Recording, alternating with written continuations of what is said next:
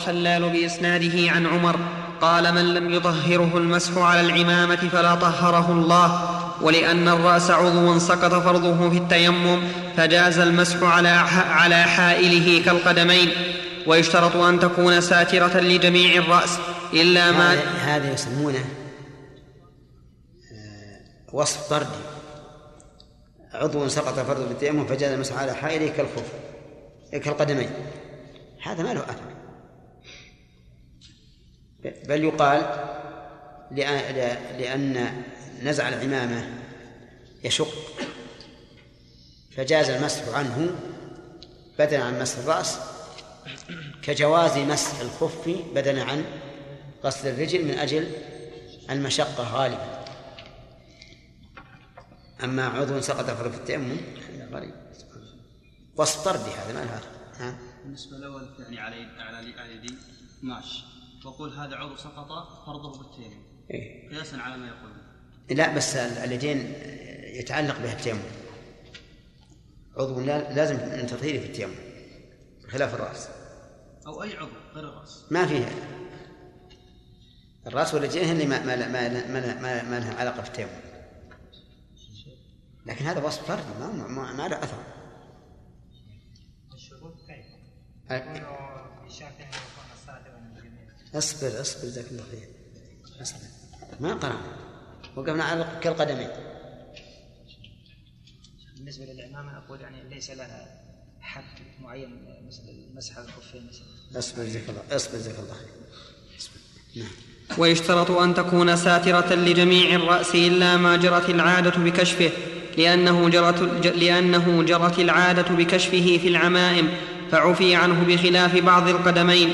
ويشترط أن تكون لها ذؤابة. هذا تعليل لقوله الاستثناء أو للمستثنى إلا ما جرت العادة. لماذا نقول بأن كشف ما جرت به العادة في الرأس لا يؤثر مع أنه كشف لبعض العضو؟ وقلنا في في الخفين لابد أن تستر إيش؟ جميع الرأس بدون استثناء. قصد جميع القدم بدون استثناء. يقول السبب في ذلك لأن العمامة جرت العادة بكشف شيء من الرأس. فعفي عنه. نعم. فعفي عنه بخلاف بعض القدمين ويشترط أن تكون بعض القدم. نصف قدم نصف بعض القدم.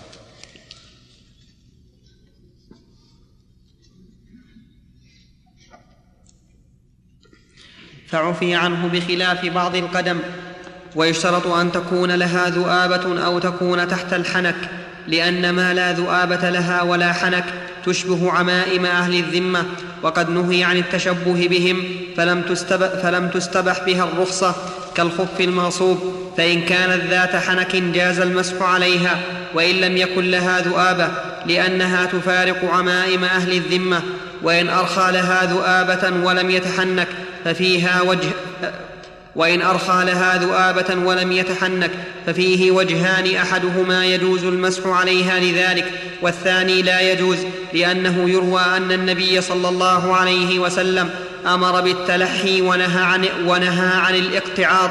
قال أبو عبيد الاقتعاط أن لا يكون تحت الحنك تحت الحنك منها شيء. اشترط المؤلف رحمه الله اشترط أن تكون محنكة أو ذات ذؤابة المحنكة يعني التي يدر منها لي لية تحت الحنك كذا. وذات الذؤابة أن يكون لها ذؤابة يعني طرف أحد طرفيها ينزل حتى يكون ذؤابة. نعم.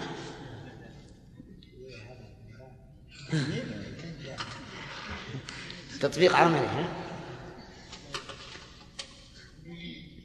فإن, فإن لم تكن محنكة ولا ذؤابة فإنه لا يصح المسح عليها. واختار شيخ الإسلام رحمه الله جواز المسح عليها وإن لم تكن محنكة أو ذات ذؤابة وتسمى عندهم العمامة الصماء. صماء. نعم. وقوله رحمه الله هو الصحيح. القول الصحيح أنه لا يشترط أن تكون ذات ذؤابة أو محنكة. بل يجوز المسح على العمامة ولو كانت صماء لأن الشرع الذي جاء جاء بذلك مطلق ما في اشتراط.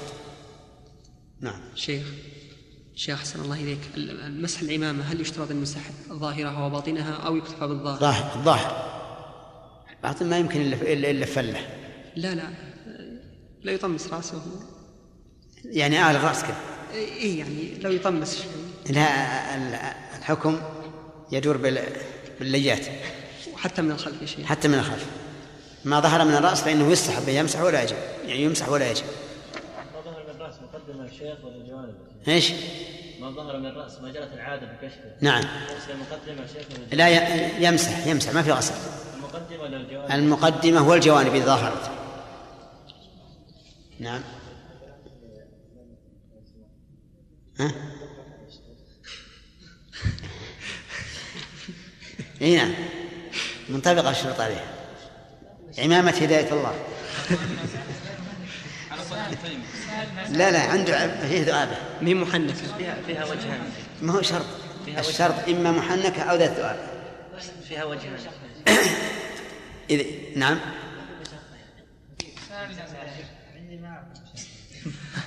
على كل حال الرخصة وردت عموما والعلة هذه مستنبطة. والمسح على العمامة بالحقيقة أولى من مسح الخف لأن المسح على العمامة مسح على ما أصل طهارته المسح. نعم. فصل وحكمها في التوقيت واشتراط واشتراط نعم. نعم. يقول حديث.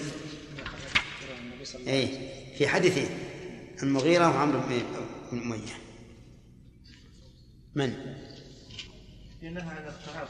هذا أخذها محمد زين عبيد فصل وحكمها في التوقيت واشتراط تقديم الطهارة وبطلان الطهارة بخلعها كحكم الخف لأنها أحد الممسوحين على سبيل البدل وفيما يجزئه مسحه منها بس سم. المؤلف ذكر رحمه الله أن حكمها في التوقيت كحكم الخف يعني للمقيم يوم يوم وليلة وللمسافر ثلاثة أيام بلياليه وكذلك أيضا في اشتراط تقدم الطهارة يعني أنه يشترط أن يلبسهما على طهارة.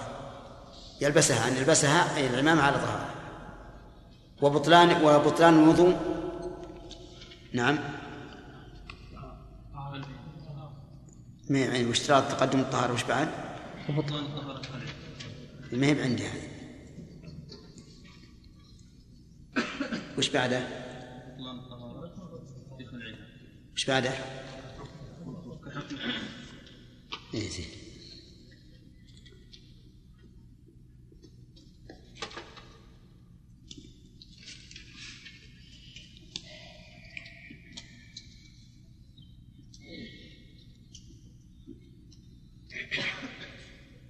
طيب إذا توافق الخف في التوقيت واشتراط تقدم الطهارة وكذلك بطلان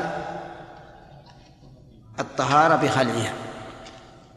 وقد عرفتم أن الطهارة لا تبطل بخل بخلع الخف فكذلك لا تبطل بخلع العمام وأما اشتراط وأما التوقيت واشتراط تقدم الطهارة فلا دليل عليه.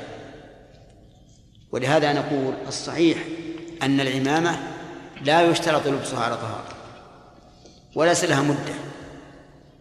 وذلك لأن النبي عليه الصلاة والسلام لم يذكر لها مدة ولم يذكر لها اشتراط طهارة. والأصل عدم ذلك. وأما قياسها على الخف فقياس مع الفارق لأن الخف طهارته بدل عن غسل فاحتيط به أكثر. وأما العمامة فطهارتها بدل عن عن مسح فكانت أخف. ولهذا الصواب أنه لا توقيت فيها ولا اشتراط تقدم طهارة. نعم. مثلا إذا كان عندنا يعني أفضل المسح على العمامة ولا أفضل المسح على الرأس؟ الأفضل. إذا كان عليك عمامة أن تمسح على العمامة وإذا لم يكن عليك عمامة أن تمسح على الرأس. يعني بمعنى لا يق... لا تقصد إنك تلبس العمامة لأجل المسح عليها ولا تخلعها وهي عليك لتمسح على الراس الأفضل ان يكون الإنسان على ما هو عليه. لا في هذا ولا في الخف على والعمامه على الاعلى وعلى لا على على دوائرها كلها. نعم. اي نعم. كذا يقول. لا ذؤابها نازلة. هذه ثلاث أسئلة يا شيخ. في واحد يسأل. هنا الفرق بين المسح على التجديد وهو من الحدث نفرق فيه. اي لأن لأن التجديد ليس عن حدث. فلا حكم له ولهذا لم يذكر العلماء أن المدة تبدأ منه فهو وجود كالعدم. بين مس شرعي لا لا شك. لكن ما في حدث ارتفع به. نعم. نعم. نعم. وفيما يجزئه مسحه منها روايتان إحداهما مسح أكثرها والثانية يلزمه استيعابها لأنها بدل من جنس المبدل فاعتبر كونه فاعتبر كونه مثله كما لو عجز عن قراءة الفاتحة وقدر, وقدر على قراءة غيرها اعتبر أن يكون بقدرها. ولو عجز عن القراءة فأبدلها بالتسبيح لم يعتبر كونه بقدرها وإن خلع العمامة بعد مسحها وقلنا لا يبطل. لا يبطل وقلنا لا يبطل الخلع الطهارة لزمه مسح رأسه وغسل قدميه ليأتي بالترتيب وإن قلنا بوجوب استيعاب مس- مسح الرأس فظهرت ناصيته ففيه وجهان أحدهما يلزمه مسحها معه لأن المغيرة رضي الله عنه روى أن النبي صلى الله عليه وسلم توضأ فمسح بناصيته على العمامة والخفين. وعلى وعلى سم. وعلى العمامة. ناصيته. عندك بناصته على العمامة. أي نعم هذا اللي وعلى العمامة. وعلى.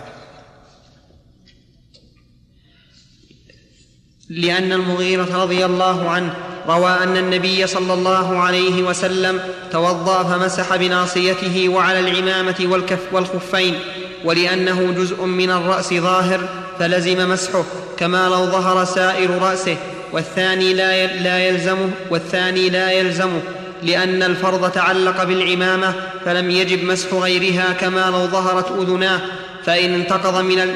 فإن, انتق... فإن انتقض من العمامة كور كور فإن انتقض من العمامة كور ففيه روايتان. إحداهما يبطل المسح لزوال الممسوح عليه والأخرى لا يبطل لأن العمامة باقية أشبه كشط الخف مع بقاء البطانة. فصل ولا يجوز المسح على الكلوتة ولا وقاية المرأة ولا وقاية المرأة لأنها لا تستر جميع الرأس. عندكم وقاية ولا قاية؟ وقاية.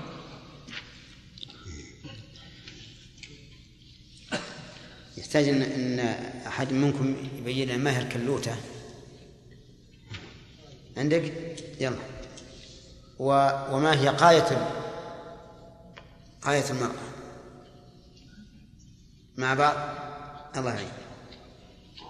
ولا, ولا يجوز المسح على الكلوتة ولا وقاية المرأة لأنها لا تستر جميع الرأس ولا يشق نزعها. فأما القلانس المبطنات كدنيات القضاة والنوميات. كدنيات. كدنيات؟ نعم. كدنيات القضاة والنوميات وخمار المرأة ففيه روايتان. إحداهما يجوز المسح عليها لأن أنسا مسح على قل- قلنسوته. وعن عمر رضي الله عنه إن شاء حسر عن رأسه وإن شاء مسح على قلنسوته وعمامته. وكانت أم سلمة تمسح على الخمار. وقال الخلال قد روي المسح على القلنسوة عن رجلين من أصحاب النبي صلى الله عليه وسلم بأسانيد صحاح واختاره لأن واختاره لأنه ملبوس للرأس معتاد لأنه ملبوس للرأس معتاد أشبه العمامة والثاني لا يجوز لأنه لا يشق نزع القلنسوة ولا يشق على المرأة المسح من تحت خمارها فأشبه الكلوتة والوقاية.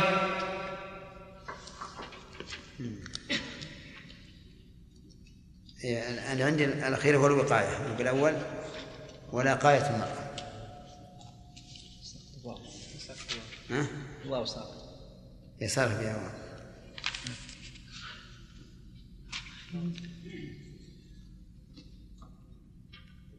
فصل فصل.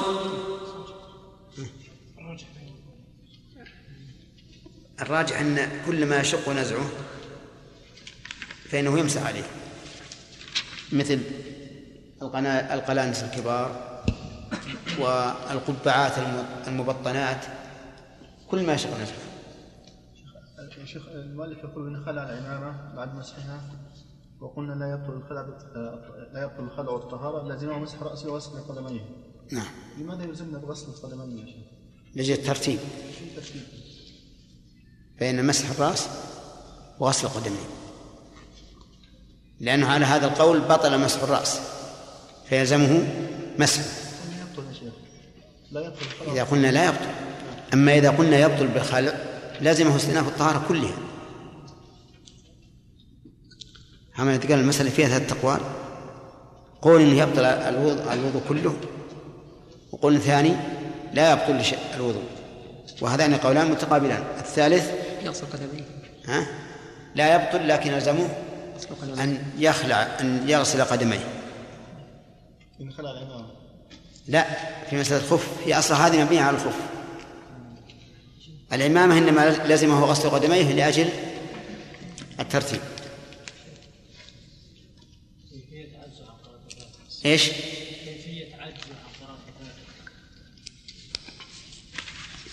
إما أن يكون في لسانه آفة أو لم يكن علمها. ما تعلمها. وش دنية القضاة والنوميات؟ ها النوميات اللي يستعملون في النوم وهذه قبع مبطن. مبطن يعني باطنه فيه قطن. خلي الواحد راسه في الكفر. ودنية القضاة؟ في القضاة هذه أيضا طواقي كبيرة يلبسها القضاة. خشب؟ ها؟ ما خشب ولا حديد؟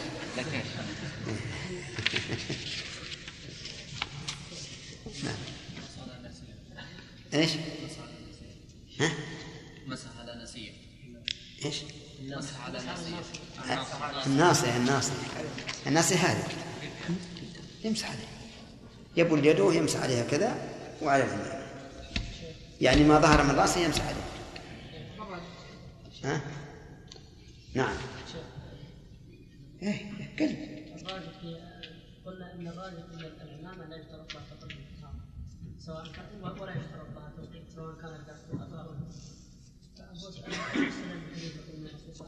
سواء. نعم وجه دليل ذلك كيف؟ وما هو وجه الاستدلال في الدليل الذي ذكره واذا كان له وجه كيف ذلك؟ إن صح الحديث فما أجل مخالفة أهل الكتاب الأمر بالتلحي والنهي عن التعاط لمخالفة أهل الكتاب نعم سلامة أي أي أفضل. وليس بواجب. انتهى الوقت. اي نعم. شيخ أحسن الله إليك. هنا في مسألة في الكتاب هذا. كد- رجل يمسح على كنادر في أول مرة ففي المرة الثانية خلع الكنادر ومسح على الشراب. هل يصح هل يصح مسحه أم لا بد من غسل الرجل؟ نعم. هنا أحسن الله إليك. يعني كأنكم رجحتوا أنه يجوز المسح اقرأ اقرأ اقرأ الجواب. الجواب هذا فيه خلاف. فمن أهل العلم من يرى أنه إذا مسح أحد الخفين الأعلى أو الأسفل تعلق الحكم به ولا ينتقل إلى ثاني. ومنهم من يرى أنه يجوز الانتقال إلى الثاني ما دامت المدة باقية فمثلا إذا مسح الكنادر الكنادر ثم خلعها وأراد أن يتوضأ فله أن يمسح على الجوارب التي هي الشراب على القول الراجح كما أنه إذا مسح على الجوارب ثم لبس, لبس عليها جوارب أخرى أو كنادر ومسح على العليا فلا بأس به على القول الراجح ما دامت المدة باقية. لكن تحسب المدة من المسح الأول لا من المسح الثاني. هذه هذه هي اللي قلنا نطلب الرأي فيها. البحث. ها؟ وجدت في خلاف؟ خلاص. إن كان في خلاف فالراجح. هذا كل المذاهب. إيه. كل على هذا كل مذهب على ماذا يا شيخ؟ إنه إذا إذا خلع الخف الأعلى اللي مسحه فله يجوز. أن أن يمسح على الأسفل. هذا نقول نتحقق الخلاف. إن كان في خلاف هو الصحيح.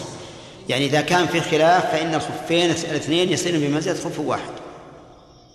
كما أن الإنسان لو لو مسح مثلا على خف مخيط له ظهر وبطن ثم خلع ال- الظهر فإنه يمسح على البطن. على البطن فعلى هذا الرأي يكون الخفان كأنهما خف واحد. واحد.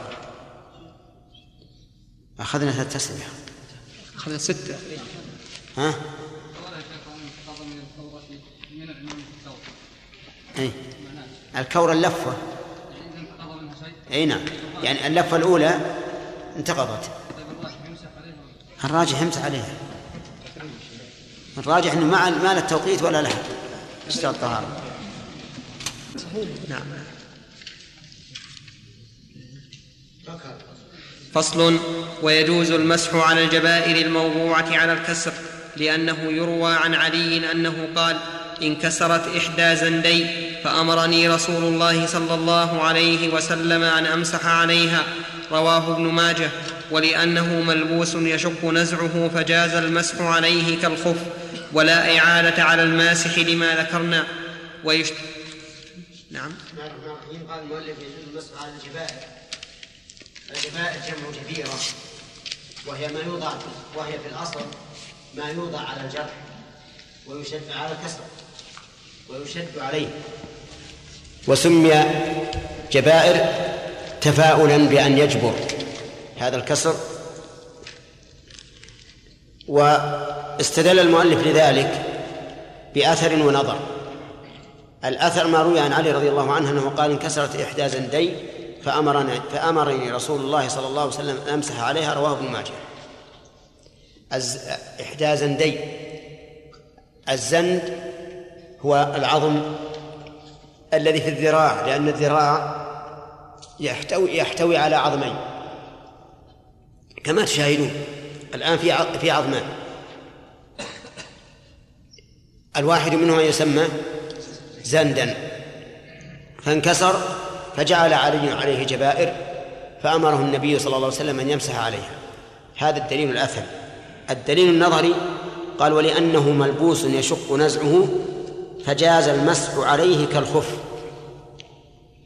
وهذا الحقيقة هذا قياس لكنه لا يشبهه من كل وجه لأن المسح على الخف من باب الحاجة والكمال والمسح على الجبيرة من باب الضرورة.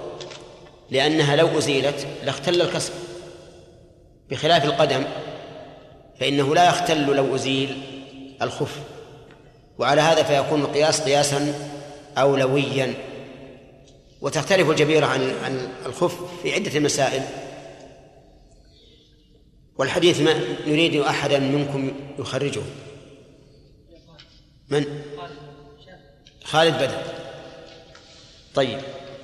وهذه المسألة اختلف فيها العلماء على ثلاثة أقوال. هذا الذي قاله المؤلف وهو الصحيح أنه يمسح عليها.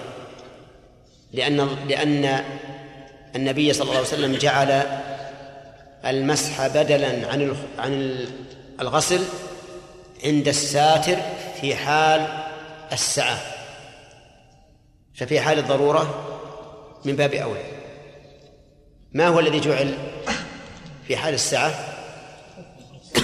الخف. ففي حال الضرورة من باب أولى. وقال بعض العلماء بل يتيمم.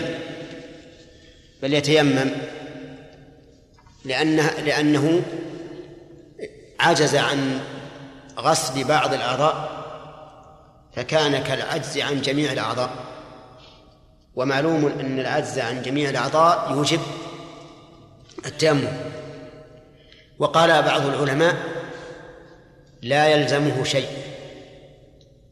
لقوله تعالى فاتقوا الله ما استطعتم.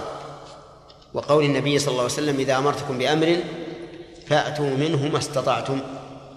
وهو يستطيع أن يغسل أعضاءه إلا هذا العضو المجبور فإنه لا يستطيع فسقط فرضه. بالآية الكريمة والحديث. ولكن أقرب الأقوال هو الأول أنه يمسح لأنه ساتر في محل الفرض فكان فرضه المسح كالخف وأولى ويعضده هذا الأثر الذي ذكره المؤلف رحمه الله بصيغة التمرين. نعم. للدليل هذا هل هو الحجة التي صحح بها العلماء الجواز. وإن كان حجة فقول شيخ شيخ الإسلام أن غالب من فرد به ابن ماجه الضعف. عليه نعم. بالضعف. نعم. الذين قالوا لا, لا يمسح ضعفوا الحديث. ولكن حتى لو كان الحديث ضعيفا فإن القياس كما علم كما عرفت قياس جلي واضح. ولكن ولا شك أن المسح عليه خير من عدم تطهيره. ولا شك أن المسح أقرب إلى الغسل من التيمم. أليس كذلك؟ نعم.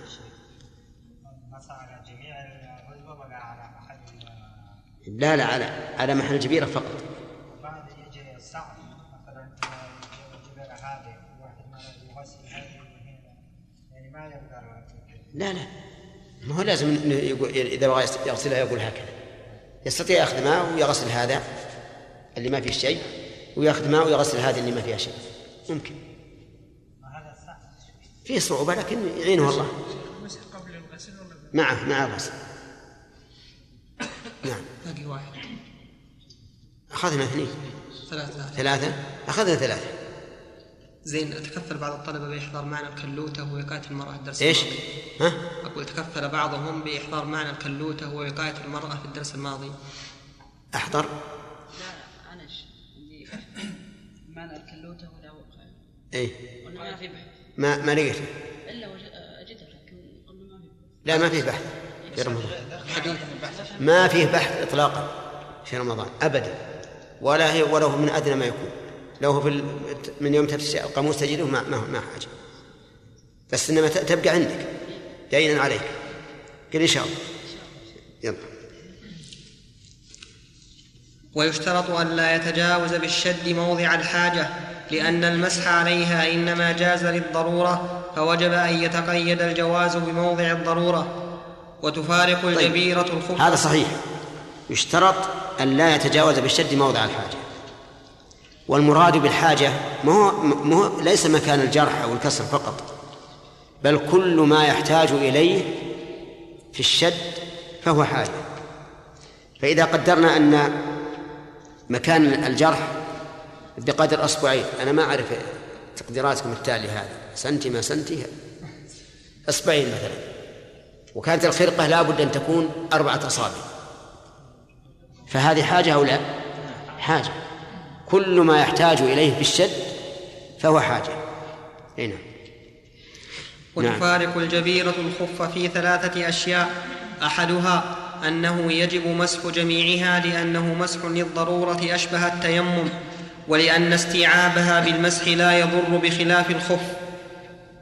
الثاني أن مسحها لا يتوقف لأنه هذا هذا هذا فرق. أنه يجب مسحها بمسح جميعها. هذا واضح. لكن التعاليل التي ذكرها عليلة. يقول لأنه مسح للضرورة أشبه التيمم. يقال إذا كان مسحا للضرورة فهو أولى بالتخفيف من المسح على الخفين. نعم. وقولها أشبه التيمم أيضا خطأ لأن التيمم لا يجب فيه مسح الأعضاء كلها إنما يمسح من الأعضاء الوجه والكفان الوجه والكفان. فهذا القياس الآن تبين أنه ليس بصحيح. وقوله ولأن استعابه بالمسح لا يضر بخلاف الخف فيقال الخف أيضا لا يضر الخف لا يضر لو مسحه كله لكن يقال الفرق أن الخف ورد مسحه للتخفيف والتيسير فهو رخصة. وأما هذه فهي بدل مسح الجبيرة بدل عن إيش؟ عن الغسل. فإذا كان يجب استيعاب العضو بالغسل وجب استيعاب المسح على بدله. هذا أقرب من ما ذكر المؤلف رحمه الله من القياس. نعم. نعم. كيف؟ إلا اتضح أوضح قلنا إذا كان مسحها للضرورة فهو أولى بالتخفيف من المسح الذي للحاجة. عند كما وجب غسل العضو فوجب مسح الجبيرة جميعا. أنا نقول أنه كما وجب غسل الرجل جميعا. وجب غسل الخف جميعا. يعني قلنا أجبنا عن هذا. قلنا مسح الخفين من باب التخفيف والرخصة. وكذلك الجبيرة لا الجبيرة ضرورة. من باب- ولهذا المسح عليه عزيمة كما قال العلماء بخلاف المسح على الخفين فهو, فهو رخصة. نعم. الثاني أن مسحها لا يتوقف لأنه جاز لأجل الضرورة فيبقى ببقائه. عندي أنا لأجل الضرر وهو أصح لأن عندكم فيبقى ببقائه. ببقائه. كذا؟ نعم. ولا ببقائها؟ ببقائه. إذن الضرر كالذي عندي. لأنه جاز لأجل الضرر فيبقى ببقائه. الثالث أنه يجوز في الطهارة الكبرى لأنه مسح أجيز للضرورة أشبه التيمم. وفي تقدم الطهارة روايتان إحداهما يشترط لأنه حائل منفصل يمسح عليه أشبه الخف. فإن بس لبسها بس بس. الفرق الثاني ما هو؟ أنه يجوز في الطهارة الكبرى بخلاف أن مسحها لا يتوقف. بخلاف المسح على الخفين ففي الطهارة الصغرى. لا يتوقف. أنه لا يتوقف. واضح. الثاني أن مسحها لا يتوقف لأنه جاز لأجل الضرر. ها؟ كيف؟ الثاني أن مسحها لا يتوقت بالتاء لأنه جاز لأجل الضرر الضرر فباب فصححي ها؟ إيش الإشكال؟ أقراها من الآن صحوا على قرايتي الثاني أن مسحها لا يتوقت لأنه جاز لأجل الضرر فيبقى ببقائه. تمام؟ زين. الثالث أنه يجوز في الطهارة الكبرى والخف في الطهارة الصغرى فقط لحديث صفوان بن عسال وقد سبق إلا من جنابه. نعم. لأنه مسح أجيز للضرر أشبه التيمم. للضرر عنده للضرر. كلها اللي عندنا أصح كله لأن المؤلف ماشي على كلمة الضرر. للضرر بالراء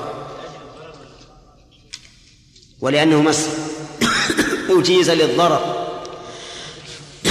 عندكم لأجل؟ الثانية الثانية. عندكم لأجل؟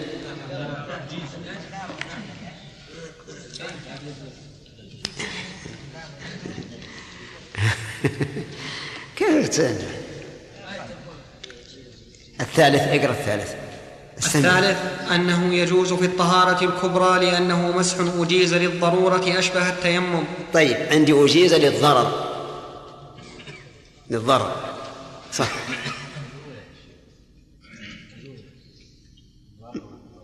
ما أدري والله. إذا انتبهت من النوم إن شاء الله علمناك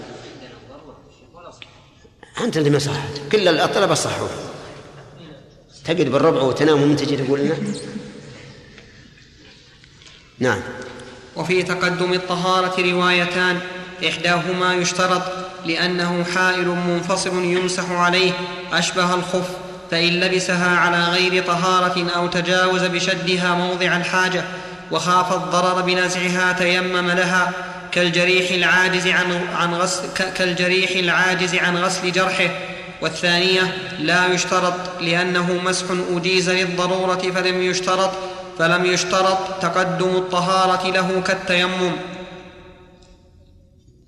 الله أكبر. كل هذه الأوصاف أو التعليلات كلها طردية. يعني ما تفيد معنى وعلة يثبت بها الحكم. آه، اختلف العلماء رحمهم الله. هل يشترط؟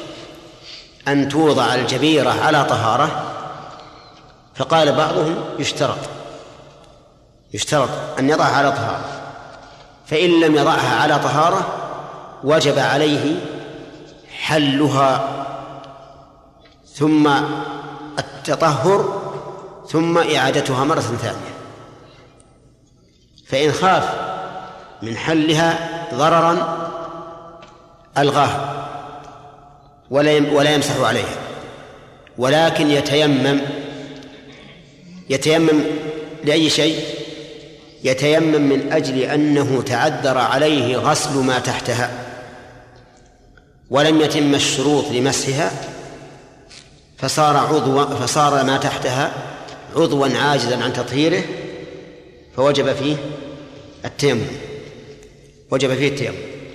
إذن على هذا القول وهو اشتراط تقدم الطهارة إذا لبسها على إذا وضعها على غير طهارة ماذا نقول له؟ ها؟ نقول انزعها. ثم تطهر ثم أعدها فإذا قال لا يمكن نزعها. لا يمكن. عليه ضرر. لو نزعتها انكسرت الرجل أو اليد. قلنا إذن اعتبرها لاغية وتيمم. تيمم عنها بدون مسح. لأن المسح لا يصح الآن. ولكن تيمم. عرفتم؟ طيب. القول الثاني أنه لا يشترط تقدم الطهارة عليها. أنه لا يشترط. ودليله أولا عدم الدليل. فإنه لا دليل على اشتراط الطهارة لوضع الجبيرة. عرفتم؟ ولا يمكن قياسها على الخف لأن بينهما فروقا. منها هذه الثلاثة اللي ذكر المؤلف وهي أكثر من ثلاثة ثمانية فروق ال- التي بينها بين الخف والجبيرة. وثانيا أن الجبيرة تأتي بغتة بغير اختيار الإنسان. فلا يكلف الطهارة لأن إلزامه بالطهارة فيه صعوبة. فإذا انكسر إنسان وهو على غير طهارة قلنا يجب أن تطهر في صعوبة. أما الخف فإنه يلبس باختيار الإنسان وبإمكانه أن يتطهر قبل أن يلبس. أما الجبيرة فليس بإمكانه. رجل مكسورة رجله أو يده يقول ما نجبرك لين تذهب تتوضأ. نعم هذا صعب. فتنقلب الآن لو أمرناه بالوضوء أو ألزمناه به انقلبت ال... انقلب التيسير ها تعسيرا. فالقول القول الصحيح بلا شك أنه لا يشترط للجبيرة أن توضع على طهارة بل متى وجد سببها وضعت ولا شيء و- و- ومسح عليها.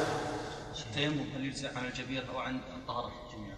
كيف يعني؟ يعني تيمم عن إذا كان ما يعني مثلا ما عنده ماء؟ ما عنده إيه يكفي. وإذا كان عنده ماء؟ إذا كان عنده ماء كيف يتيمم؟ يتيمم عن موضع الجبير فقط. متى؟ إذا من قال يشترط تقديم الطهارة. إيه معلوم. عن الجبير عن عن جبل فقط. نعم. إذا كان الجبيرة لا تغطي العضو كامل مثلا نصف العضو وإذا يعني غسل بقية العضو المكشوف بالماء ومسح الجبيره يتسرب الماء يعني ماء الغسل إلى الجبيره وربما سبب له ضرر. والله ما ما أدري أنا ما أتصور انه إنه لازم يت- يتسرب ما هو لازم يتسرب ما هو لازم. لا ما هو لازم. هو لو كان لازم يتسرب قلنا لا تصل المكشوف وتيمم عنه. أما إذا كان إذا كان يمكن. يعني لو فرضنا أن- إن- إنه في الساق. في الساق خارج نطاق ال- العضو. لكن إذا وجب عليه غسل يستطيع أن يجلس في صحن ويغسل بقية جسده ولا ينزل الماء إلى إلى الجبيرة لكن على فرض أنه لا يمكن إلا أن ينزل الماء إلى ما تحت الج- الجبيرة مثل أن يكون جار أن يكون جرح تحت هذه اللفافة. ففي هذه الحال يمسح الجبيرة ويتيمم عن عما بقي. ولا يغسلها يعني يعني يعني بكيفه يعني؟ يعني أي جرح يكون معاه ممكن يضع الجبيرة ولا لابد بوصف الطبيب مثلا؟ أنه يحكم. هذه هذه مسألة ترجع للطب. هل من المصلحة أن يضع الجبيرة أو لا؟ كلامنا إذا وضعت الجبيرة أم- مسكتها الصغار هذه يا شيخ مثل الصغار أي نعم مثل الجبائر أي نعم. خلاص طيب. ولا فرق بين الجبيرة على كسر أو جرح يخا- يخاف الضرر بغسله لأنه موضع يحتاج إلى الشد عليه فأشبه الكسر. ولو وضع على الجرح دواء وخاف الضرر بنزعه مسح عليه نص عليه. وقد روى الأثرم بإسناده عن ابن عمر أنه خرجت بإبهامه قرحة فألقمها مرارة فألقمها مرارة فكان يتوضأ عليها. نعم. يعني لا فرق بين أن تكون الجبيرة على كسر أو على جرح. والأصل أنها على إيش؟ كسر. على كسر. لكن قد تكون على جرح. فلا فلا فرق. وابن عمر رضي الله عنه خرج بإبهامه قرحة فألقمها مرارة تعرفون المرارة؟ ها؟ المرارة شيء مر جدا يلصق بال- بالكبد كبد الحيوان مثل ال- الجرة كالقارورة معروف الآن اسمه عندكم يا هداية الله ها؟ ترخي. طيب. وعند الآخرين استلم يا خالد مرارة. زين. نحن في لغة القصيم مريرة. نسميها مريرة. نعم. نعم. على كل حال عرفتموها الآن. المرارة هذه إذا ألقي الماء اللي فيها تكون وعاء. فابن عمر رضي الله عنه ألقمها إبهامه وما عرف هل من أجل المرارة أنها تشفي الجرح وتنشفه أو لأن هذا أحسن ما, ما وجد رضي الله عنه. الله أعلم. هذه يرجى للطب نعم. إذا ما استطاع يغسل لأنه يتسرب إلى الجبيرة ما نقول يمسح لا. لأن المسح على العضو ما ورد. المسح لا بد يكون على على حائل أو مسح بالأصل كمسح الرأس إذا عجزنا الغسل ليش نمسح عليه لا هذا الجرح. لا أما هذا فهو يعني ظاهر. نعم. لو بل يده الثانية يا شيخ مثلا لو كان في الذراع وبل يده اليمنى مثلا بدأ يمرها على العضو صار غسلا يقال بالغسل ولا يتسرب الماء إلى جرح. ما هو غسل الغسل لا بد أن يجري الماء على العضو. طيب ألسنا إذا أخذ مثلا الماء يجري الإنسان بيده. أي ما يخالف جرب يدك الحق. المسح بينهم فرق المسح ما يجري الماء يبتل العضو ولا يجري. ال- الغسل يجري لا بد أن يجري. ولهذا جاء في الحديث مع آخر قطر الماء. لا بد أن يكون له جريان وسيلان. نعم. ذكرها في الإنصاف ول- وليس من شرط أن نذكرها لأن ما هو ما هو هذا شرح تعليق تعليق على الكافي. لكن أحيانا تحدون أن نطول شوي. باب نواقض الطهارة الصغرى وهي ثمانية. طيب نواقض الطهارة الصغرى. احترازا من؟ الكبرى. الكبرى يعبر عنها العلماء بموجبات الغسل وهذه نواقض الوضوء. نواقض الوضوء مفسدات الوضوء. وإذا فسد الوضوء وجب عند الصلاة الوضوء. ولهذا لو عبر بنواقض الوضوء لو عبر عنها بموجبات الوضوء نعم صح. مثل ما عبروا عن آه، الغسل بموجبات الغسل. فهي اختلاف تعبير في الحقيقة. فنواقض الوضوء مفسدات يعني التي إذا طرأت على الوضوء أفسدته نعم. وهي ثمانية الخارج من السبيلين وهو نوعان. وهو. وهو. نعم. بالواو. حسبك بالفاء. لا. نعم. وهو نوعان معتاد فينقض بلا خلاف لقوله لقوله تعالى أو جاء أحد منكم من الغائط. وقول النبي صلى الله عليه وسلم ولكن من غاية وبول ونوم. وقوله فلا ينصرف حتى يسمع صوتا أو ينصرف ينصرف. وقوله فلا ينصرف حتى يسمع صوتا أو يجد ريحا. وقال في المذي يغسل ذكره ويتوضأ متفق عليه. النوع الثاني نادر كالحصى والد... المذي هو الماء الذي يخرج مع الشهوة لكن بدون إحساس. هذا يوجب الوضوء وغسل الذكر والأنثيين. نعم. النوع الثاني نادر النوع الثاني نادر كالحصى والدود والشعر والدم فينقض أيضا. لأن النبي صلى الله عليه وسلم قال للمستحاضة توضئي لكل صلاة رواه أبو داود ودمها غير معتاد ولأنه خارج من السبيل أشبه المعتاد ولا فرق بين القليل والكثير. هذا هو الصحيح أنه لا فرق بين المعتاد وغير المعتاد. فلو خرج من دبره حصى أو دود أو شعر أو ما أشبه ذلك فإنه ناقض الوضوء. ودليل هذا قوله عليه الصلاة والسلام حتى يسمع صوتا أو يجد ريحا فإذا كانت الريح وهي لا جرم لها تنقض الوضوء فما له جرم من باب أولى. نعم. تخريج الحديث. نعم. تخريج الحديث. طيب أيهن؟ توضئ لكل صلاة. آية وضوء ونوم أربع أحاديث. إيه أربعة أحاديث. الأول أخذناه الدم الذي يخرج هل هل يعتبر من النجسات؟ بما أن الدم العادي يخرج من الجرح؟ لا نجس. نجس. إي نعم. طيب وين الأربعة؟ ما, ما أنت. حتى يسمع صوتا جريحا أو يغسل ذكره ما حاجة لأنه متفق عليهما ولكن من غاية وبول ونوم سبق. حديث صفوان بن عسال منو عنده؟ ها؟ عندي شيخ. زين. أما توضئي لكل صلاة هذه من ياخذه؟ من؟ ها؟ ما أخذت من قبل؟ يلا حط عمر العوف. استحاضة. لو كان يخرج من المرأة وقت الصلاة. إي نعم. وقت الصلاة ما يغتسل إي نعم. طيب الشيخ وهو خارج من السبيل. نعم. قلنا أن العلماء اتفقوا على أن أي شيء يخرج من السبيلين فهو مبطل ناقض لا إذا كان معتادا. إذا كان معتادا. ثم المستحاضة مثل اللي فيها سلس البول. حتى سلس البول يجوز أن يصلي الإنسان فيه وله خرج شيء. لكنه لا يتوضأ إلا بعد دخول الوقت. طيب لو كان هذه الأشياء تخرج معتادة تنقض الصلاة؟ لا معنى المعتاد مو معناه اللي دائم. المعتاد هو اللي اللي عاد البشر. يعني ما هو المقصود؟ المستحاضة تعتبر مرض. الاستحاضة مرض طارئ. الحيض عادي.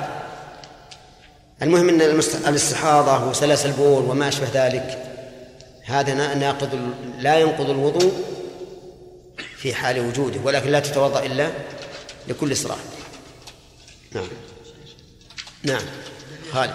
أدري على غسل وجوب غسل غسل الأنثيين. نعم. في غير صحيح.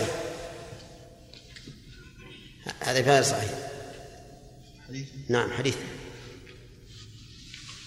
الثاني خروج النجاسة من سائر البدن وهو نوعان غائط وبول فينقض قليله وكثيره لدخوله في النصوص المذكورة.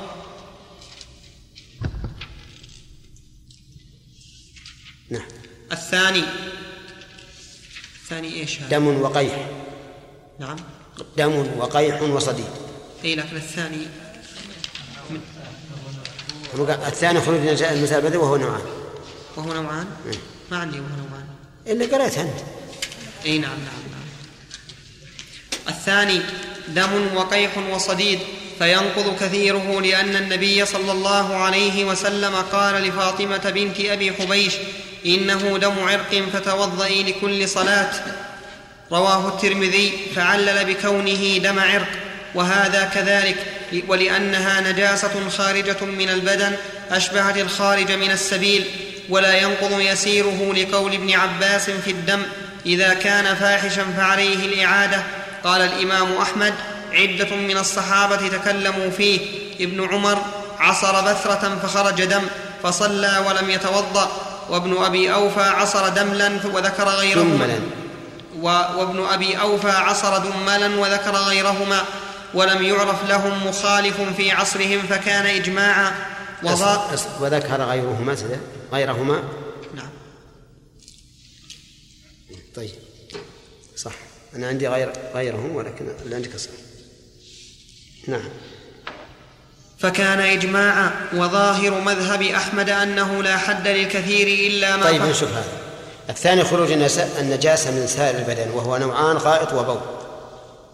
وهذا يقع كثيرا. نسأل الله لنا ولكم العافية. في الإنسان يسوى له عملية فتحة. يخرج منها البول ويخرج منها الغائط. فنقول هذه الفتحة ما خرج منها من البول والغائط فهو ناقض. قليله وكثيره واضح؟ الثاني الثاني غير البول والغائط. مثل الدم والقيح والصديد وماء الجروح وما أشبهه فالمشهور من المذهب أنها ناقضة للوضوء والصحيح أنها غير ناقضة. وحديث فاطمة بنت أبي حبيش لا يدل على ما ذكره المؤلف لأن هذا الدم الخارج دم الاستحاضة من أين؟ من السبيل. وهذا وهناك فرق بين الخارج من السبيل وغيره. فالصواب أن الخارج من غير السبيلين إذا لم يكن بولا ولا غائطا فإنه لا ينقض لا قليله ولا كثيره والدليل على هذا هذه الآثار اللي ذكرها. ابن عمر عصر بثرة فخرج دمه وصلى ولم يتوضأ. وابن أبي أوفى عصر دملا يعني ولم يتوضأ. وأيضا الصحابة رضي الله عنهم كانوا يصابون في في المغازي بالجروح الكثيرة الدم ومع هذا لم يؤمروا بالوضوء من هذا الدم. الصحيح أن جميع ما يخرج من غير السبيلين إيش؟ ليس بناقض الدم والقيح والصديد وماء الجروح والقي كل هذا لا ينقض. البثرة هذه في العين. نعم والدمل خراج الخراج اللي يخرج في في الجلد. يكون له نبرة ويؤلم على كل حال معروف. ثم يشق. نعم. بالنسبة للفتحة التي تفتح للمرضى هذه بتكون مستمرة الخروج يعني بالنسبة للبول والغائط أي نعم صحيح. يتحول من المثانة إلى إلى المخرج؟ نعم نعم. تكون هذه مثل ساس البول. يعفى عنها ويتوضأ لكل صلاة. أخذنا ثلاثة. لا. هذا واحد وذا واحد. اثنين صاروا ها؟ اثنين هنا. إي. وظاهر مذهب أحمد أنه لا حد للكثير إلا ما فحش. لقول ابن عباس قال ابن عقيل إنما يعتبر الفاحش في نفوس أوساط الناس لا المبتذلين ولا الموسوسين. كما رجعنا في يسير اللقطة الذي لا يجب تعريفه إلى ما لا تتبعه همة أن... كما رجعنا في يسير اللقطة كما رجعنا في يسير اللقطة الذي لا الذي لا يجب تعريفه إلى ما لا تتبعه همة نفوس الأوساط. عندي نفوس. أي نفوس الأوساط. ها؟ أي نعم نفوس الأوساط. إيه لك عندك همة قبلها؟ همة. إيه ما يبقى عندي همة. حطوا نسخة حطوا نسخة خاء فوق الهمة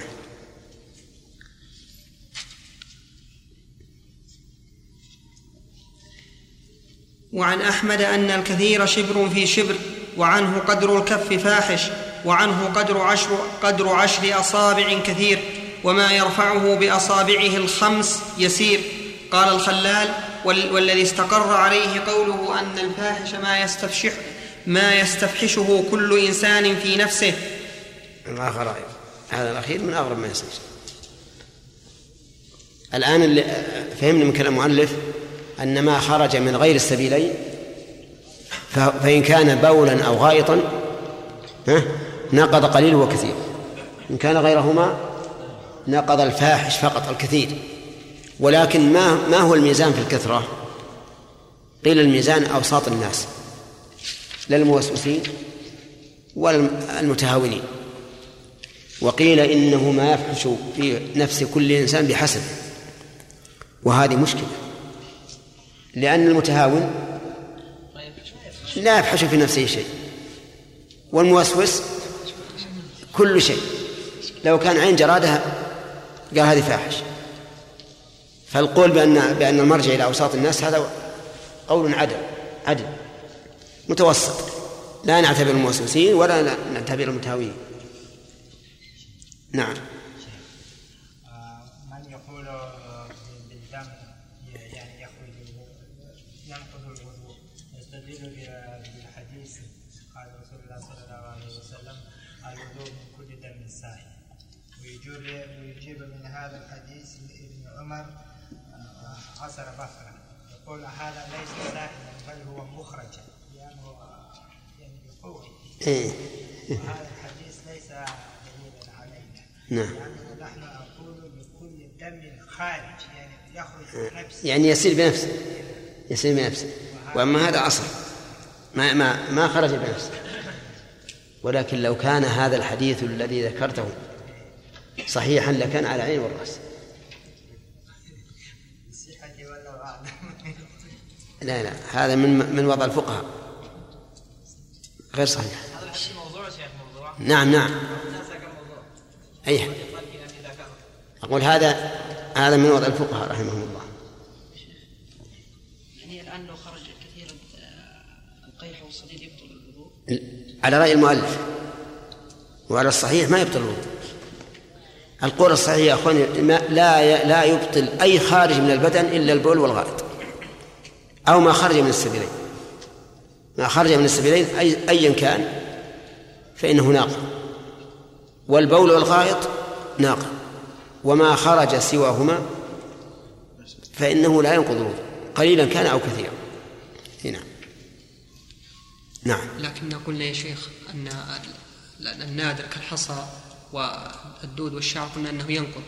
لأن النبي صلى الله عليه وسلم قال فلا يخرج حتى يسمع صوتا ويجد ريحا.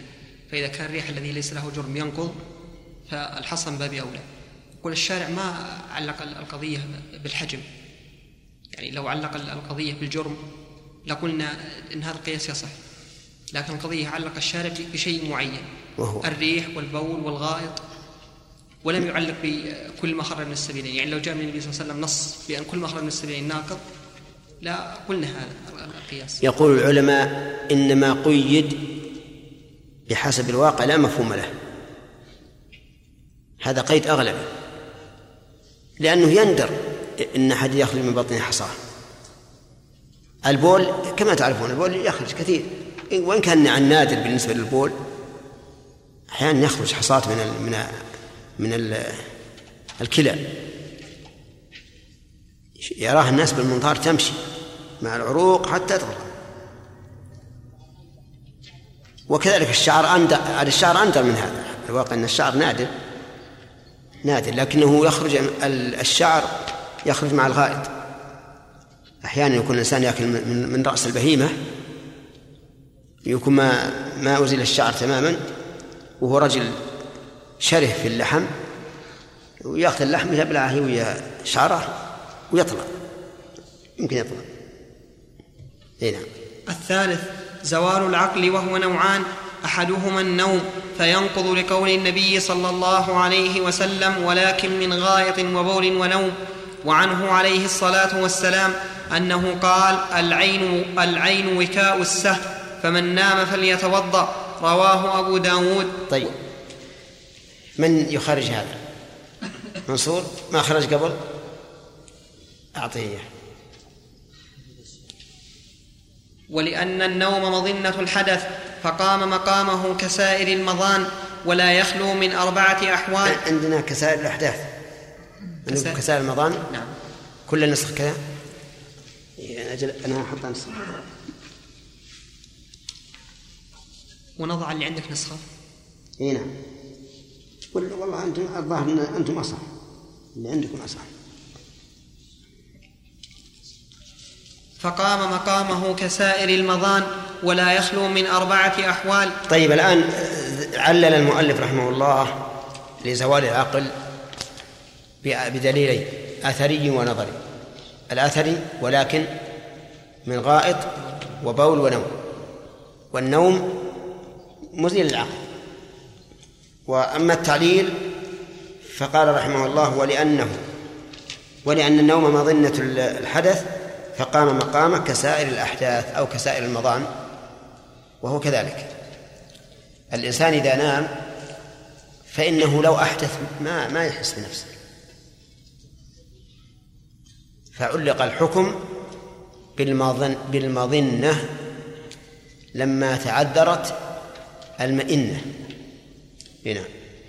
ولا يخلو من أربعة أحوال أحدها أن يكون مضطجعا أو متكئا أو معتمدا على شيء فينقض, الوضوء قليله وكثيره لما رويناه. فينقض الوضوء قليله وكثيره لما رويناه.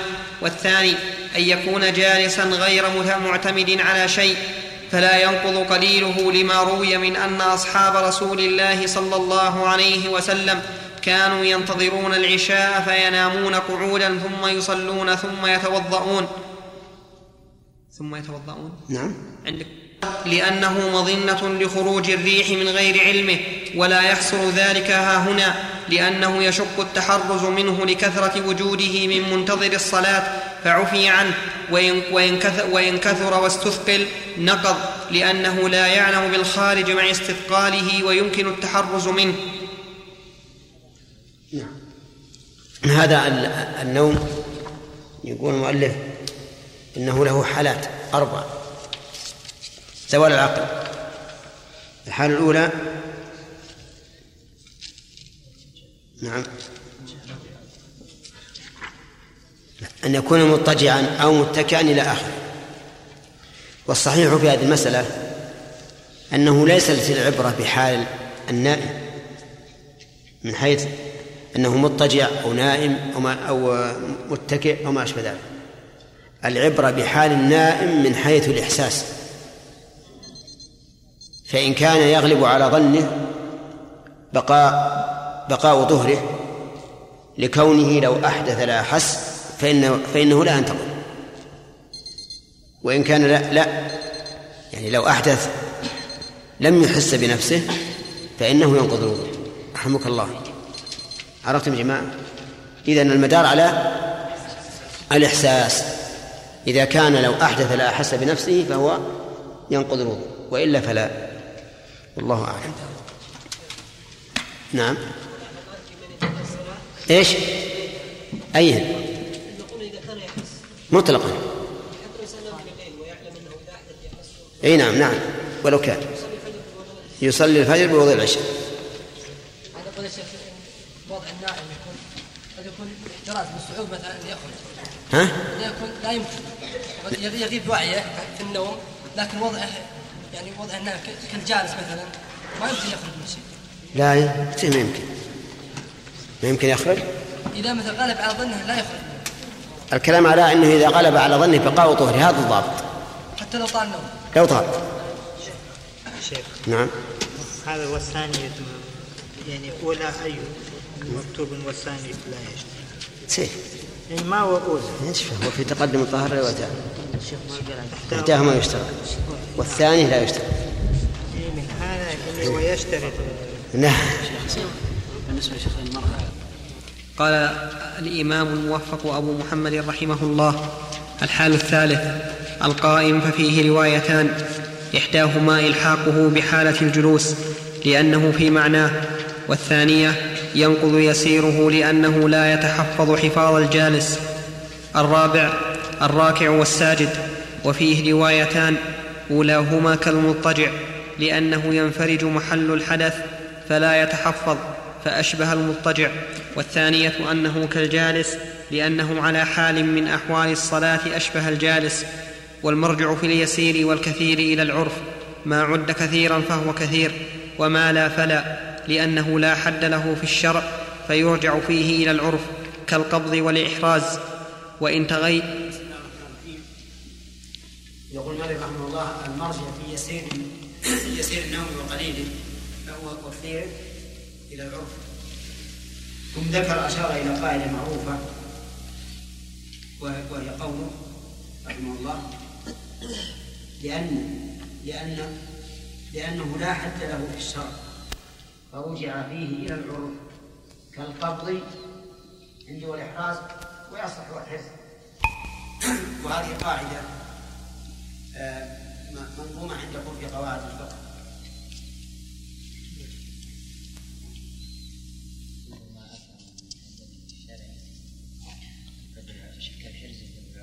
نعم.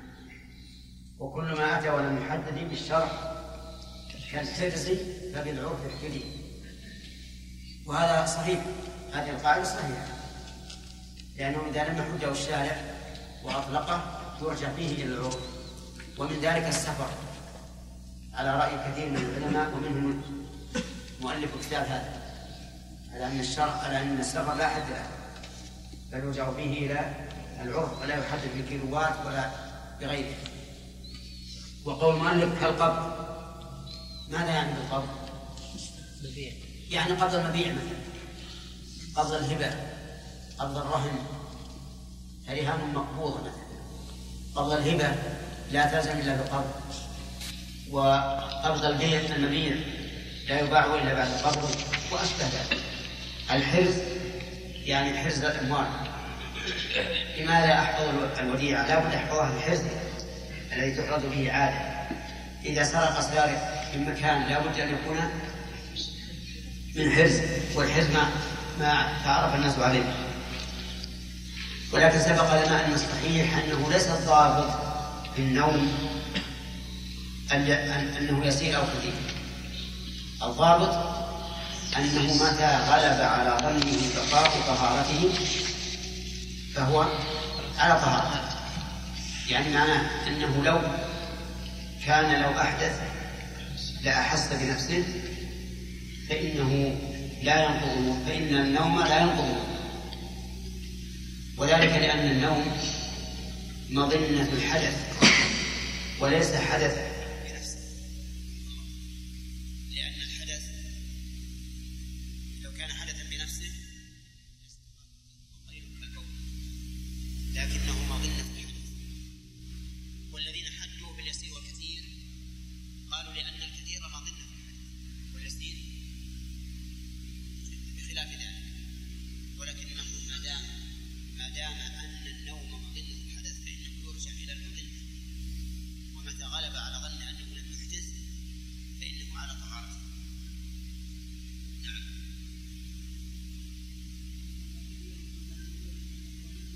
كثيرا فهو كثير وما لا فلا لأنه لا حد له في الشرع فيرجع فيه إلى العرف كالقبض والإحراز وإن تغير عن هيئته انتقض وضوءه لأنه دليل على كثرته واستثقاله فيه. إن تغير مثل واحد مثل كذا ونعم ثم طاح. هذا ما تغير عن تغير عن هيئته. فإن سقوطه يدل على أنه مستثقل أنه نوم ثقيل. أما إذا طاح ثم من حين أهوى فز ثم استيقظ فهذا النوم فهذا النوم يسير. النوع الثاني زوال العقل بجنون أو إغماء أو سكر ينقض الوضوء لأنه لما نص على نقضه بالنوم نبه على نقضه بهذه الأشياء لأنها أبلغ في إزالة العقل. ولا فرق بين الجالس وغيره والقليل والكثير لأن صاحب هذه الأمور لا يحس بحال بخلاف النائم فإنه إذا نبه انتبه وإن خرج منه شيء قبل استثقاله في نومه أحس به. نعم. واضح. زوال العقل بالجنون والإغماء والسكر ينقض مطلقا قليله وكثيره نعم. بالنسبة لغلبة الظن في النوم إذا تساوى الظن هل أنقض الوضوء أنقض أنقض الوضوء أو لم ينقض؟ الأصل الطهارة. نعم.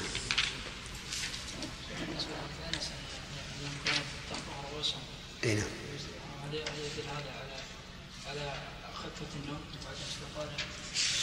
هذا النوم الذي الذي يغلب يغلب على الظن بقاء الطهر. نعم. إيه خفق الروسه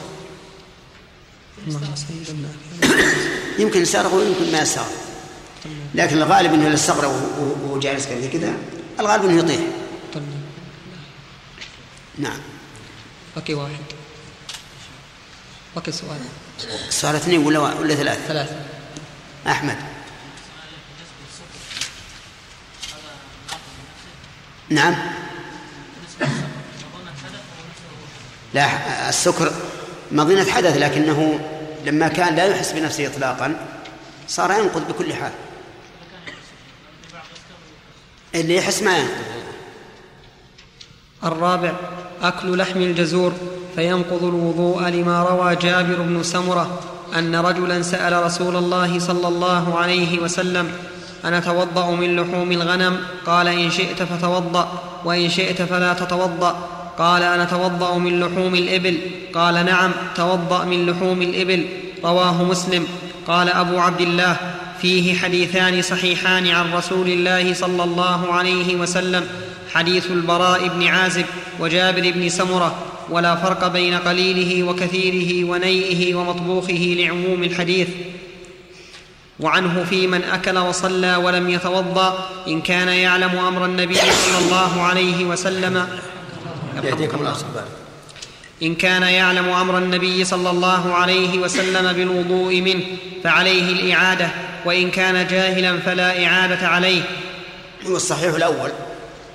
الصحيح أنه ينقض سواء كان عالما أم جاهلا وسواء كان جاهلا بالحكم أم جاهلا بالحال. لا يدري هل هو لحم إبل أو لحم غنم. لكن الجاهل بالحكم إذا كان في بلد يرون أنه لا ينتقض وضوء وكان تابعا لهم فلا شيء عليه. حتى لو تبين له بعد وجوب الوضوء فإنه لا شيء عليه لأنه معذور.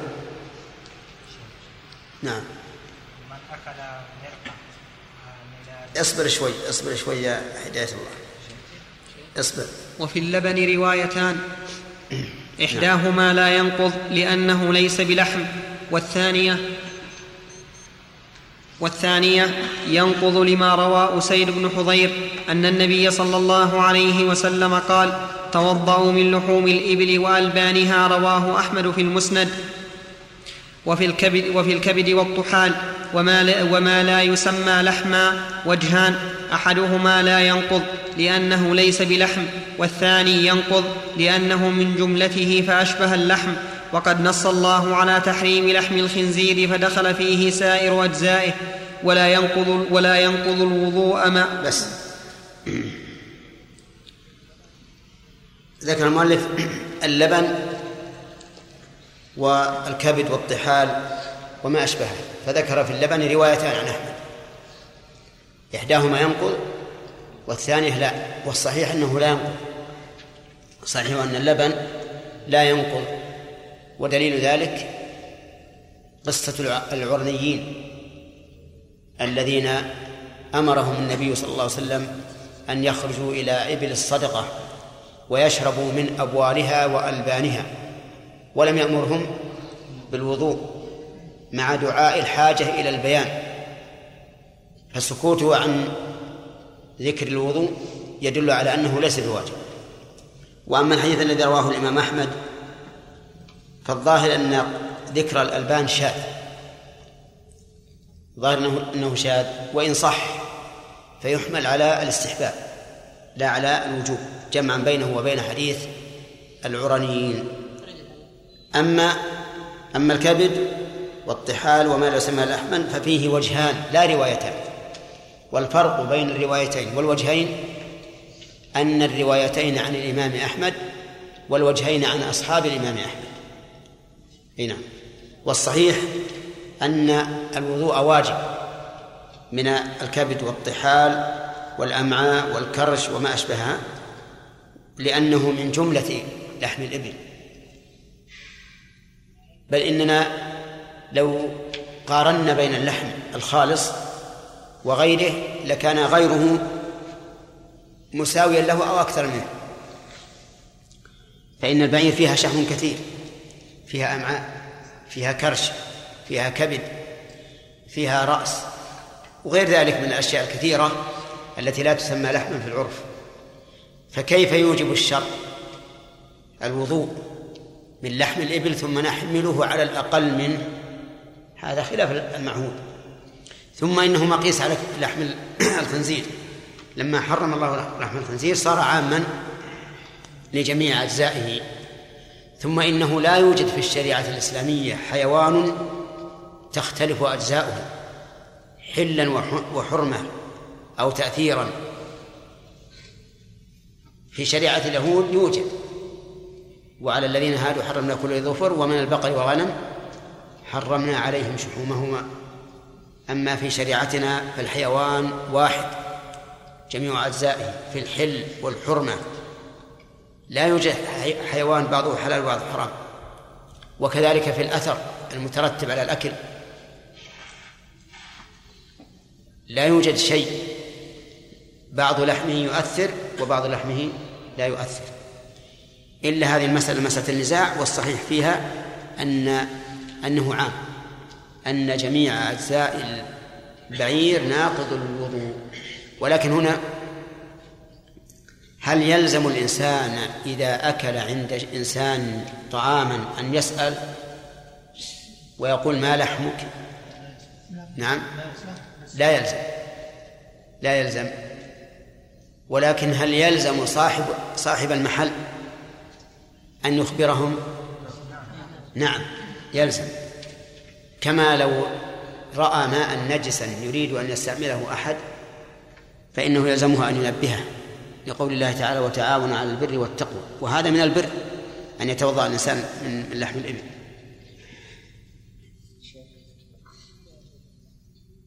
طيب ماذا يقول له إذا أراد أن ينبهه؟ هذا لحم إبل. هنا نعم.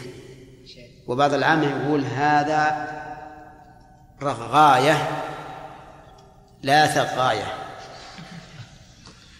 نعم. تعرفها أنت؟ آه. الإبل لها رغى ترغي صوته يسمى رغى. والشاة؟ ثغاء. عندكم إيش إيش تقولون؟ صوت البعير إيش تقولون؟ أو ما عندكم بعدين؟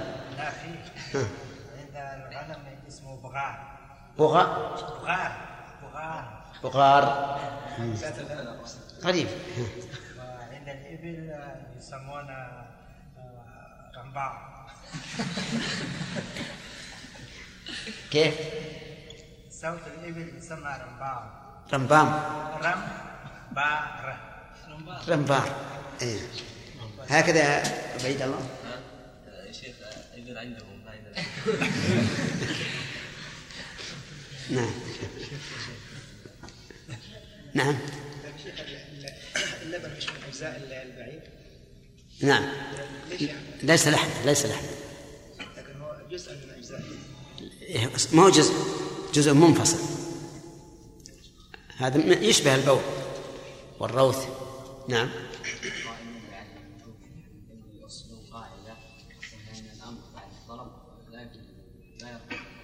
الأمر بعد؟ بعد الطلب.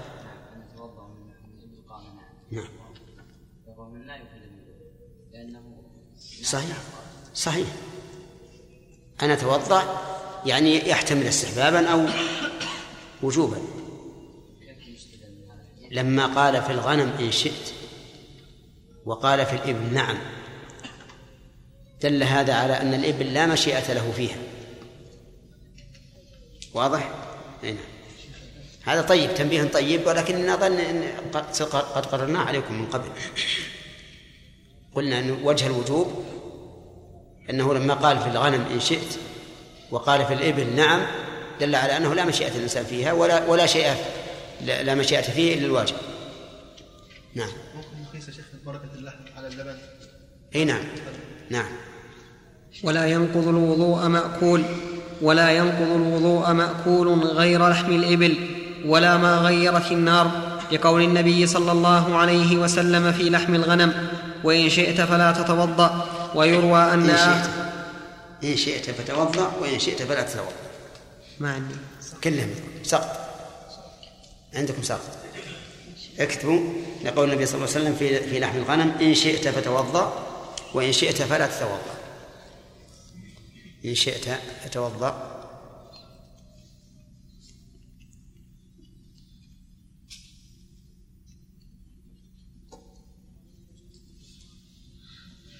لقول النبي صلى الله عليه وسلم في لحم الغنم إن شئت فتوضأ وإن شئت فلا تتوضأ.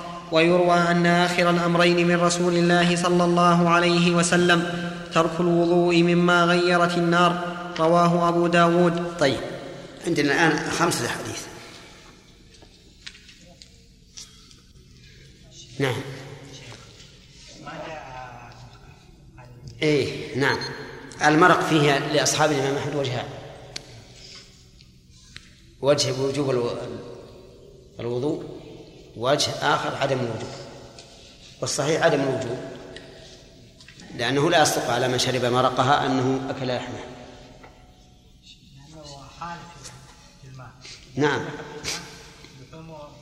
صحيح إن طعمه في شك إنه يكون في الماء لكن نقف على النص. ولهذا قال الذين قالوا بوجوب الوضوء قالوا إن معنى اللحم موجود في المرض. شيخ. نعم محمد. كثر في المرقة يا شيخ. ها؟ كثر في المرقة قطع اللحم. لا إذا كان فيها قطع لحم ينقض. إذا كان فيه قطع لحم يبي ينقض على كل حال لأنه أكل. ناصر. ما يقال فيه التفصيل يعني مثلا إذا كان فيه مثلا قطع. فيه أثر اللحم يعني يا شيخ. قطع لحم. لا مو قطع. ها. ثقيل اي هذا أكل هذا أكل لحم. لا بس يكون مرقة شوف ما هو يعني ما يكون قطع قطع اي مطحون يعني. الطعم نعم ما, ما يضر الطعم. هو المسألة هي اللي فيه طعم.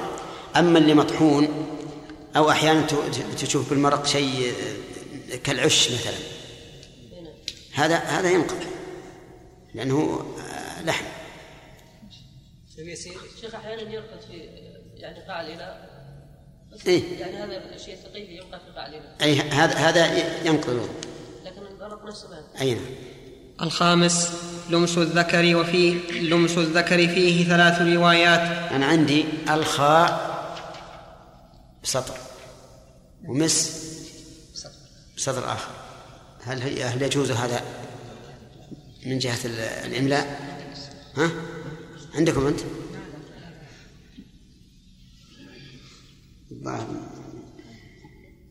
على كل حال نصحه لأن لأنه يجي واحد يقرأ يقول الخاء مس لمس هنا ولهذا لازم نعبر.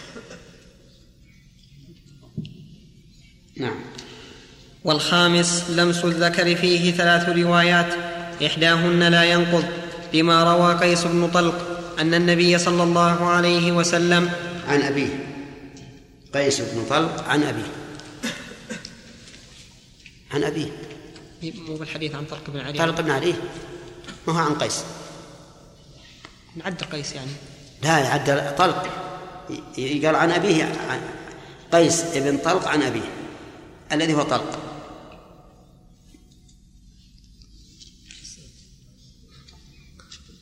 ما عندك عن عن أبيه؟ نعم. عندك عن أبيه؟ ما عندي شيء. اكتب عن أبيه.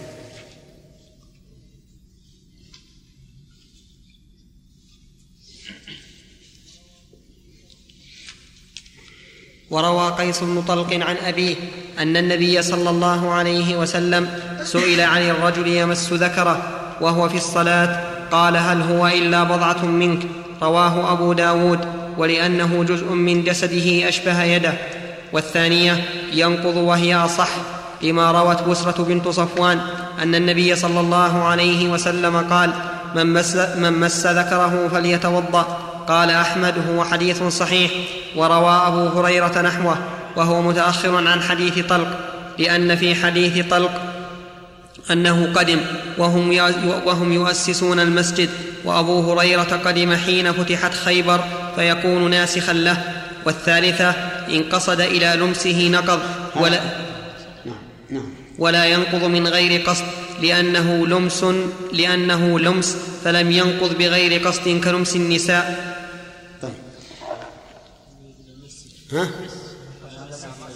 كيف؟ ها. إن قصد إلى مسه نقض لمسه؟ لا. عندك لمسه ولا مسه ما قلت. ها؟ لا ما يخالف اللي عندك وش؟ حسب الكتاب. اللي عندي آه، مسه طيب. ها؟ سمعتوا إيش؟ على كل حال الآن هذه ثلاث روايات. رواية النقل والرواية الثانية عدم النقل والثالثة التفريق بين القصد وعدمه وفيها قول الرابع التفريق بين الشهوة وعدم الشهوة. إن مسه لشهوة نقض وإن مسه لغير شهوة لم ينقض. ووجه هذا القول بأن النبي عليه الصلاة والسلام علل عدم النقض بأنه بضعة. فإذا مسه الإنسان كما يمس سائر الأعضاء فإنه لا ينقض. وإن مسه لشهوة فإنه ينقض لأنه في هذه الحال يخرج عن مشابهة بقية الأعضاء. واضح؟ لأن الأعضاء غير الذكر لا يمسها الإنسان أبدا لشهوة. لا يمكن أن يمسها لشهوة. لكن الذكر يمكن. فهذا التفصيل يقول إن مسه لشهوة انتقض وضوءه وإلا فلا. ويأخذ ويوجه هذا القول بالتعليل الذي علله النبي صلى الله عليه وسلم وهو إنما هو بضعة منك. يقول فإذا مسه كما يمس سائر جسده لم ينتقض. وإن مسه لشهوة انتقض. قال ولأنه إذا مسه لشهوة كان مظنة الحدث. كان مظنة الحدث. لأن كثيرا من الناس يكون مذاء بمجرد ما يحس بالشهوة يمذي وقد لا يشعر بذلك. فلما كان مظنة الحدث ألحق بالحدث. وهناك قول خامس أنه لا ينقض وأن الأمر بالوضوء للاستحباب. أن الأمر بالوضوء للاستحباب. وأضعف هذه الأقوال القول بالنسخ. لأن النسخ يشترط فيه شرطان. الشرط الأول أن لا يمكن الجمع والشرط الثاني أن يعلم التاريخ. وهذان النصان يمكن الجمع بينهما. بأن يحمل أحدهما على الشهوة والثاني على عدم الشهوة. أو يحمل أحدهما على الاستحباب والثاني على عدم الوجوب. لأن حديث طلق ابن علي سئل عن الرجل لما استذكر في الصلاة أعليه الوضوء؟ أعليه. وعلى تفيد الوجوب فيكون الجواب نفيا للوجوب لا للاستحباب. ثم إن القول بأنه متأخر بمجرد أن طلقا قدم وهم يؤسسون المسجد وأبو هريرة تأخر إسلامه. لا يصح. لأنه من الجائز أن أبا هريرة رواه عن غيره وأرسله. ومن الجائز أن طلقا أيضا قدم في هذا الوقت وسمعه من النبي صلى الله عليه وسلم متأخرا. فعلى كل حال أقرب الأقوال قولان. إما أن يحمل الأمر على الاستحباب فيستحب لمن مس ذكره أن يتوضأ مطلقا لشهوة أو لغير شهوة. وإما أن يقال من مسه لشهوة انتقض وضوءه؟ ومن لا فلا ينتقض. والأقرب عندي أنه لا يجب مطلقا لكنه يستحب يستحب. إلا إذا صح حديث أبي هريرة من مس فرجه فقد وجب عليه الوضوء فقد وجب فإن صح بهذا اللفظ تعين أن يحمل على أنه إن مسه لشهوة وجب الوضوء وإن مسه لغير شهوة لم يجب الوضوء. نعم. شيخ شيخ سلام الله إليك في قوله سئل الرجل يمس ذكره وهو في الصلاة. نعم. أقول ألا يوحي هذا بأن المس هنا كان من غير مباشرة؟ بحائل. ما يصير. كيف لا؟ لأن من مس من, من كان بحائل فلا يقال مسه المس حقيقته أن لا يكون هناك حائل مباشرة طيب ألا يقولون مس المرأة مع حائل بحائل؟ إيه قيد. قيد لكن عند الإطلاق هو المباشرة لكن يعني حاله في الصلاة يقتضي أنه لا يمكن يحكه. أحيانا يكون معه التهاب ويحكه ويصلي. لا نعرف وأيضا في الغالب عليهم هم ال- الأزر. فيما سبق الغالب عليهم الأزر. مو من جنس السراويل. يحتاج لو- إلى فك ال- لو حك ذكره انكشفت عورته في الصلاة. لا. أبدا. يمكن يحكوا من مدخل من يده ما هو لازم. نعم محمد. أنا نعمل الشيخ الترجيح. حيث نقول بصحة حديث بصرة وضعف حديث طلق ما هو بضعيف ما هو بضعيف بعض بعض الحفاظ قال إنه أحسن من حديث بصرة. وأصح. ضعف القيس نعم. ضعف القيس. حتى سواء ضعف قيس أو غيره. بعض العلماء ما ضعف. قال هو صحيح. يعود الجمع يعني. أحسن شيء الجمع. نعم.